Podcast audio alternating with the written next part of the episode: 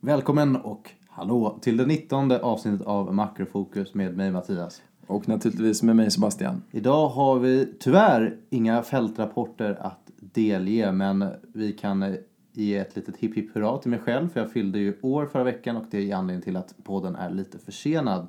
Sebastian? Ja, hipp hurra. Men vi är inte här för att hjälpa dig med dina barndomskomplex utan jag tänker att jag går vidare till dagens rubriker och eh, det blir en liten uppföljning på Kina som ju har glömts bort lite både centralbanker och på marknaderna. Eh, centralbanksnytt efter Bank of Japan och Fed. Lite uppföljning på oljan post Doha och i elfte timmen liten Brexit-kommentar. Det börjar ju närma sig. Ja, Sebastian, det seglar onekligen upp till storm över Nordsjön. Ja, eh, ska vi rulla vidare till centralbanksnytta så har ju Bank of Japan varit den centralbank som har haft mest market impact kanske. Och det här åstadkom man genom att överraska med mindre stimulering än väntat. Så att ingen utökning utav eh, marknadspåverkande program eller sänkning av räntan. Och eh, det här trots att Japan återvänt till deflation i stort sett. Och kanske är det här en del utav eh, G20-avtalet som ju sa att eh, världens länder då ska lugna sig med competitive devaluations då för att eh, främja den egna exportindustrin eller höja sin egen eh, inflation. De högaktiga beskeden från Bank of Japan har ju fått yenen att fortsätta stärkas mot dollarn som ju är upp ganska kraftigt i indexet i år. Eh, så att vi får ju se hur länge japanerna håller ut, särskilt nu när inflationen har vänt ner återigen. Annat viktigt, eller inte så viktigt, kanske besked kom ifrån eh, Fed via aprilmötet och som väntat så höjde man inte räntan och eh, man har i alla fall i sina minutes där tagit bort kommentarerna om oro för den globala ekonomin. Och eh, det här beror väl mycket på att marknaderna i Kina kanske har lugnat ner sig lite. Och eh, därför tänkte vi köra en uppföljning på Kina för att eh, man ska ju inte fokusera enbart på hur de finansiella marknaderna går utan det finns ju andra strukturella problem i Kina som kanske utgör den riktiga faran och inte huruvida börsen kraschar eller rallar. Även om Fed utåt då säger att de är mindre oroade för emerging markets och Kina och globala utsikter så lämnar de ju räntan oförändrad. Och tar man en titt på deras dual mandate med arbetsmarknad och inflation så kan man ju återigen, precis som vi sagt tidigare, bara rent objektivt säga att det är konstigt att man inte väljer att gå vidare med sina räntehöjningar som man lovade i december. För att för första gången på, eh, vad blir det, ett par år så ligger ju Feds core inflation då över målet på 2 procent. Och eh, samtidigt så har ju arbetsmarknadsdata tickat på stadigt med ja, löpande medelvärde på tre månader som över 200 000 nya jobb i non-farm payrolls under, under flera månader. Nu visserligen igår så kom det ju dåliga ADP-data som då är den privata institutionen för eh, private eh, payrolls då som försvagade med 156 000 nya jobb mot 195 000 förväntade tror jag. Så att det här indikerar ju att det kan komma lite svaga siffror från eh, BLS imorgon då, eller Bureau of Labour Statistics. Eh, och jag gjorde en snabb titt nu bara på, och på rullande tre månader så har ju ADP och eh, BLS en korrelation på 0,65 någonting det senaste året. Så att indikerar att det kan komma en lite svagare rapport än, än väntat imorgon och eh, kanske för första gången under 200 000 jobb per månad på ett tag. Nu, nog med Fed-snack och över till en uppdatering på Kina-fronten i och med att eh, Fed då som sagt eh, tog bort sin oro, eller tog ner sin oro eh, över globala utsikter, och, vilket är förmodligen då emerging markets och Kina. Och, ja, det, det ena leder verkligen till det andra. Ja, och den här diskussionen kring globala utsikter gjorde ju sitt inträde hos Fed någonstans kring när börserna kraschade i Kina. Och det här är väl lite ett tecken i tiden att vi har ju ett väldigt fokus på hur de finansiella marknaderna rör sig och tolkar det som att risken för kris är hög när börserna kraschar och vice versa. Och jag minns ju att i alla fall i tidigare akademisk litteratur så använder man ju ibland också till exempel börserna i USA som en proxy för någonting som consumer confidence. Men egentligen det är ju inte ett särskilt bra mått, särskilt med tanke på hur få som egentligen eh, äger aktier eller har en stor del av eh, sin net worth i, i aktier.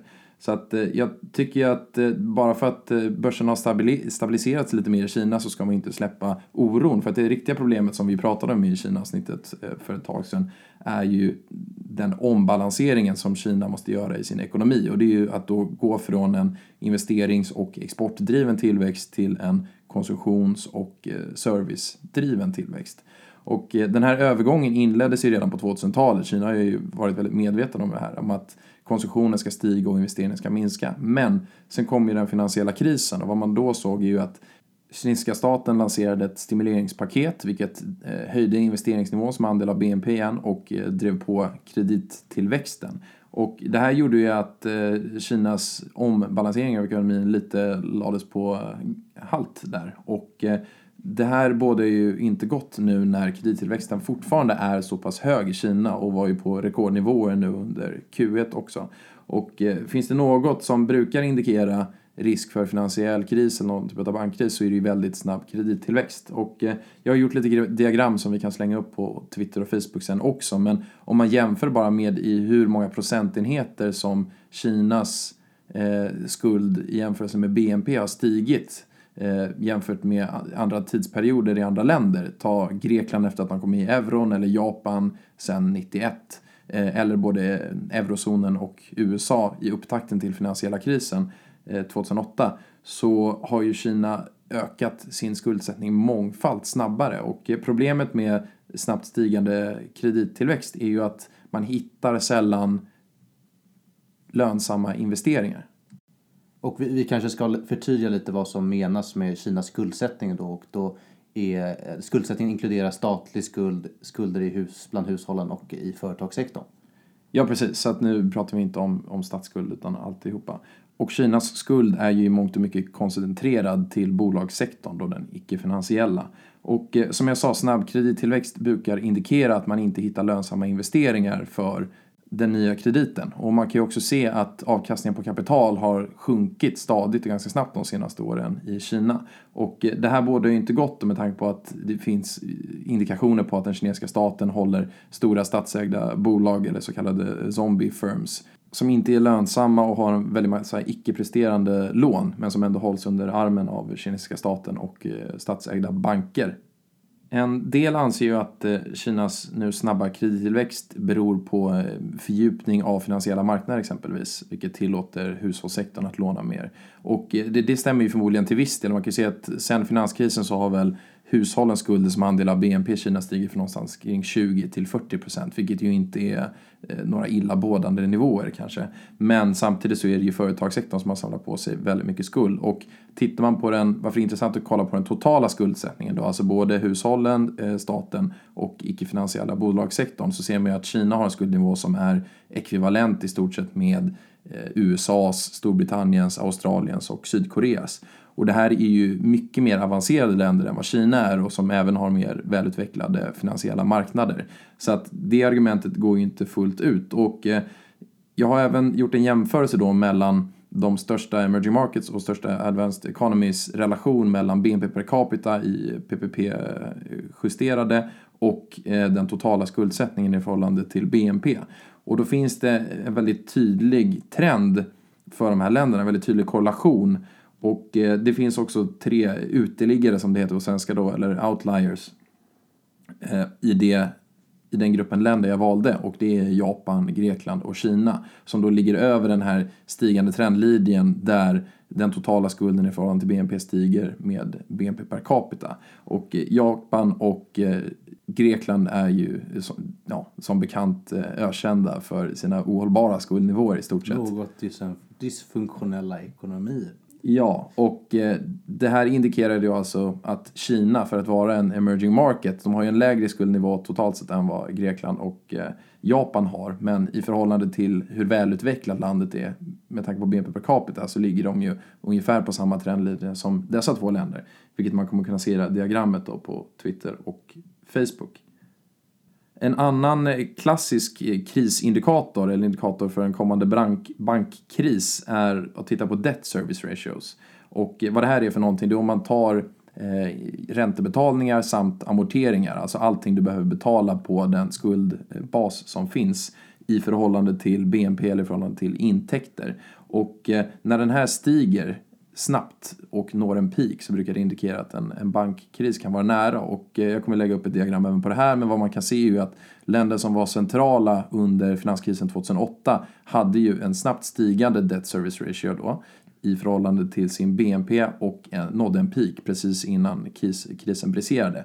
Och eh, det här gäller då för länder som Spanien, eh, Danmark, Portugal, UK och USA. Och vad man kan se nu är att sen finanskrisen 2008 så har debt service ratio stigit snabbt i Kina och nu passerat nivåer som eh, USA och Storbritannien nådde innan den finansiella krisen 2008. Det här är ju en indikation på att eh, Kina kan ha en, en förestående bankkris. Särskilt eftersom en väldigt stor del av de här nya lånen i Kina är indirekt eller direkt kopplade till fastighetsmarknaden som ju tycks vara något överhettad i Kina med ett väldigt överutbud på marknaden. Och med indirekt menas att den ligger hos bolag som till exempel eh, arbetar med cement eller stål och för byggnationen utav fastigheter. Precis som debt service ratio är en krisindikator så brukar även non-performing loans vara det. Och eh, non-performing, non-performing loans är ju ja, dåliga lån i enkla termer och eh, Kina har ju en officiell siffra för non-performing loans men det finns ju många som ifrågasätter den här. Och det här är ju inte helt orimligt med tanke på att den officiella siffran är bara några få procentenheter. Jag har väl sett estimat på någonstans kring 20-30 procent utav eh, lånen som i sådana fall skulle vara dåliga.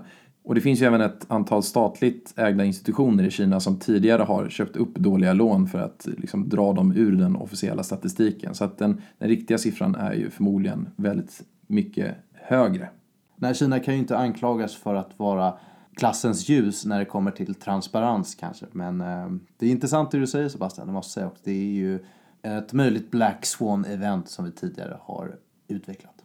Ja, det ligger kvar tycker jag. Och eh, man ser ju nu som sagt att eh, Kina bara tar mer och mer av det onda. Investeringstillväxten i infrastruktur och fastighetssektorn har ju stigit nu återigen 2016 efter att eh, tecken kom på att man fick tillväxtproblem. Så att eh, kinesiska staten verkar ju återigen använda lånetillväxten och eh, investeringar för att driva på den totala BNP-tillväxten.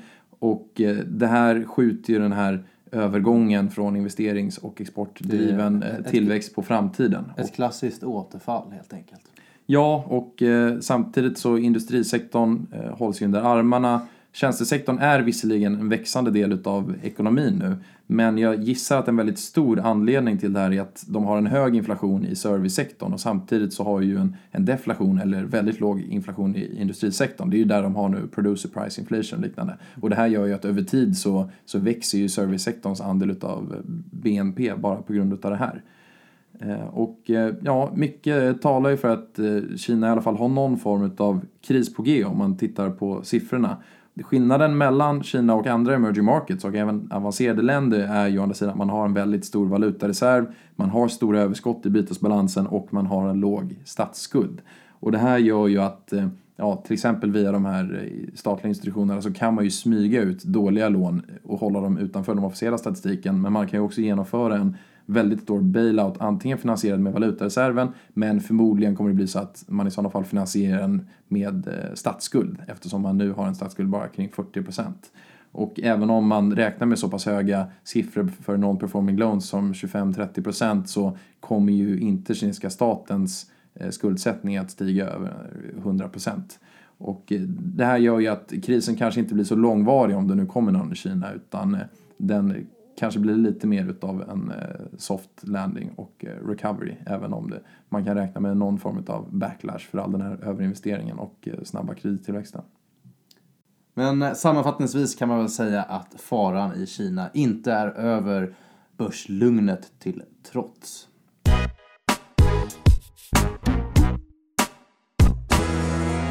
Ja, i förra helgen så träffades ju OPEC och Ryssland i katariska Doha och kom ju inte överens om ett produktionsstopp. Lite förvånande. Jag hade ändå trott att man åtminstone skulle komma, över om, komma överens om en production freeze. Men som vi sa innan det här mötet så betyder ju en production freeze i stort sett ingenting. För att både Ryssland och Saudiarabien producerar ju redan på rekordnivåer och eh, förmodligen kan de inte trycka ur så mycket mer produktion. Även om Saudiarabien gick ut efteråt och sa att de snabbt kan höja sin produktion med 1-2 miljoner fat per dag, vilket är ganska mycket. De producerar omkring 10 idag. Jag tror visserligen inte att eh, man kan åstadkomma det här, men eh, som väntat så spelar ju Saudiarabien i alla fall hardball och eh, det här beror ju säkert en del på att Iran eh, fortfarande absolut inte vill gå med på att frysa sin egen produktion och vi ser ju att eh, Irans produktion redan har stigit eh, ganska kraftigt. Men var det inte en rätt oväntad marknadsreaktion som var under förra veckan då oljan steg väldigt kraftigt på ett sånt här besked? Ja, jag tycker inte riktigt att vi följer fundamenta. Vi hade ju dels en strejk i Kuwait som Ja, just ju en väldigt stor utlöstes där på måndagen. Ja, som är ju en väldigt stor producent och som hade kunnat ta bort en väldigt, eller i stort sett allt av det här utbudsöverskottet som nu finns på marknaden. Men det här löste sig ganska snabbt och eh, sen nu i veckan så har vi ju dessutom den här stora eh, skogsbranden i Kanada som har drivit upp eh, oljepriset återigen. Men, den borde man faktiskt ha kollat. ja, du tyckte att det verkade lite torrt där borta eller? Vad? Nej, jag tänker, det, det känns som att de kablade ut nyheten om den här wildfiren, eller eh, den heter ju faktiskt skogsbrand på svenska. Eh, men eh, det kablades ju ut var det var alltså Fort McMurray som ligger minst, mitt i det kanadensiska oljesandsbältet. Att det brann där kablades ju ut innan man idag kom fram till att eh, oljeproduktionen skulle påverkas. Det var ju först idag eh, man minskade eller stoppade oljeproduktionen i området. Men man hade ju, borde ju ha kunnat räkna ut att det skulle kunna ske. Ja, det hade varit en bad call faktiskt. Eh, men oavsett om det brinner i Kanada så är ju marknadspriset lite för högt för fundamenta nu som jag sa. Och eh, det kablas ju även ut att många av de här eh, skifferoljes eh, eller shale kommer ju att komma in på marknaden igen om vi går över 45. 50 dollar någonstans. Och eh, produktionskostnaderna har ju sjunkit ganska fort för många av de här producenterna. Så att eh, produktionsfallet vi har sett i USA kan ju vändas till en produktionsuppgång ganska fort om vi får se oljepris över 45-50 eh, dollar. Och eh, samtidigt så har vi ju fortfarande storage i olja som är på rekordnivåer som ska ut på marknaden någon gång om priserna väl börjar stiga. Så att, eh, jag tycker att det finns eh, mer risker på oljemarknaden än vad det finns uppsida, definitivt.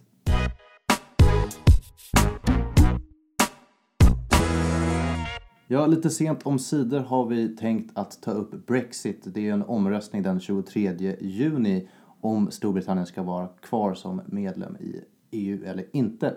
När den här omröstningen utlystes av David Cameron så var det väl få som trodde att eh, den skulle bli aktuellt. Men EU har ju haft några år där PR-maskineriet inte har fungerat som det ska. Mycket på grund av väldigt jobbiga konflikter att dela med. Och eh, just den här månaden framöver ser jag ytterligare tre händelser som kan eh, få den här bägaren att rinna över. Nu är det ju ändå så att eh, stanna kvar-sidan har en hyfsad marginal om, jag, om jag har läst mina opinionsundersökningar korrekt. Men jag tänkte ta och snacka lite om de här tre punkterna då. Den första punkten är ju Turkietavtalets visumdeal som vi tidigare pratat om.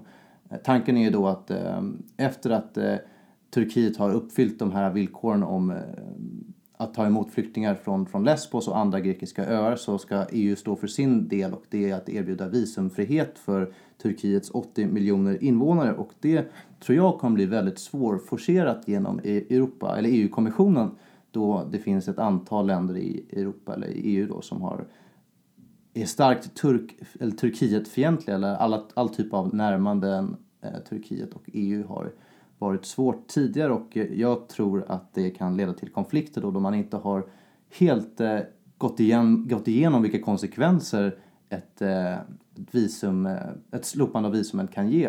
Och de här konflikterna då som kommer komma fram kommer visa på ytterligare ett eh, hur svårt det är att få EU-länderna att komma överens om en sån här sak. Just den här dealen är ju något som eh, Storbritannien har opt-outat ifrån så de påverkas ju inte direkt av det. Men, vilket Men det räcker ju med PR-uppdådet för att eh, ju opinionen ska vändas. Det blir väldigt lätt för euro eller EU-skeptikerna att peka på en sådan konflikt. Och det, det är nummer ett då.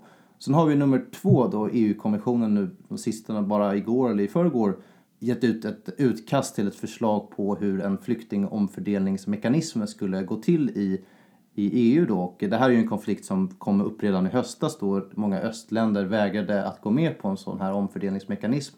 Och tanken var ju då att man skulle komma fram till ett nytt system men det visar sig att det EU-kommissionen nu har lagt fram är ett, ett liknande system då som inkluderar sanktioner mot länder som inte tar emot flyktingar om 250 000 eh, euro per flykting. Då. Och eh, den så kallade Visegradgruppen, eller V4, där Polen, Slovakien, Tjeckien och Ungern ingår, har, är ju rabiata motståndare till den här typen av eh, omfördelningsmekanismer. Och eh, den här sanktionsavgiften är inte något som de tar väldigt lätt på. Och de fördömde ju också idag faktiskt eh, den här, eh, det här utkastet. Och eh, än en gång kommer de här konflikterna blomma upp till ytan lagom till Brexit-omröstningen och ytterligare en, ett skäl för e EU-skeptikerna Nigel Farage med flera att peka på. Och den tredje är ju en, ytterligare en Greklandskris som ligger och bubblar och som kan komma att blomma ut innan den 23 juni. Ja, tre starka anledningar till att ja-sidan kanske får ett övertag i Brexit-frågan. Och eh, ska man titta då på vad kommer en eventuell Brexit att få för effekt på Storbritanniens ekonomi så har det ju kommit ut många stora institutioner, OECD och Storbritanniens egna finansinspektion eh, och liknande och sagt att det här kommer få en negativ effekt på eh, BNP både på kort och på, på lång sikt. Men samtidigt så finns det ju de som säger att det här kommer få en väldigt marginell effekt. Och det är ju det jag tror också att det kommer inte få någon varken stor uppsida eller stor nedsida. Och de avgifter de betalar till EU är ju, otroligt små i förhållande till eh, BNP exempelvis och vad man gör för andra satsningar. Så om man ska sammanfatta hela det här, det är ju otroligt komplext och det är ingen som har det rätta svaret. Men ska man sammanfatta det så tror jag ändå det är att det kommer inte vara någon stor uppsida eller nedsida men samtidigt så finns det en del risker vilket ju gör det till en onödig fråga egentligen och det är ju lite mer utav en, en populistisk fråga än en pragmatisk eller hur man nu ska beskriva det. Och eh, riskerna är ju Vissa ser ju att det finns en risk att man kommer få mindre fördelaktiga handelsavtal om man då förhandlar som en marknad på dryga 60 miljoner snarare än med 500. Och eh, visserligen så kan man ju få mindre fördelaktiga avtal med. jag tror inte att det kommer finnas några svårigheter att teckna avtal med exempelvis eh, utvecklingsekonomier eller Kina på nytt då.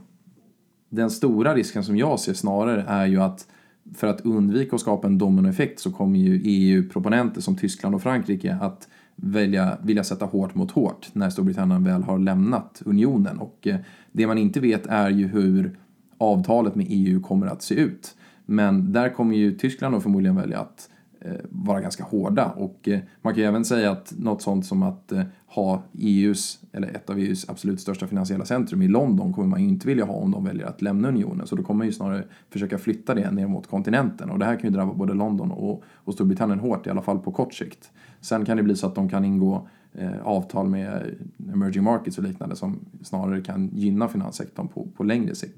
Det här blev ju ett kortare segment om Brexit än vad frågan förtjänar. Men samtidigt så är det nästan till omöjligt att uppskatta effekten av en Brexit innan den väl är genomförd. För att det finns så många osäkra faktorer. Hur kommer exempelvis avtalet med EU att se ut? Hur kommer finansindustrin att drabbas? Lite baserat på hur resten av EU väljer att agera. Kommer bankerna vilja lämna Storbritannien? Och eh, just de här osäkerhetsmomenten är ju det som gör frågan så onödig för att det finns en väldigt liten uppsida. Och eh, ja, visserligen kanske en liten nedsida också, men att skapa ett sånt här osäkerhetsmoment är ju ingenting som gynnar ekonomin, definitivt inte på kort sikt. Och de långsiktiga vinsterna ser inte så attraktiva ut.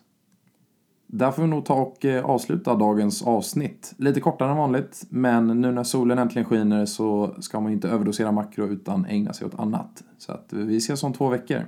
Ha det gott!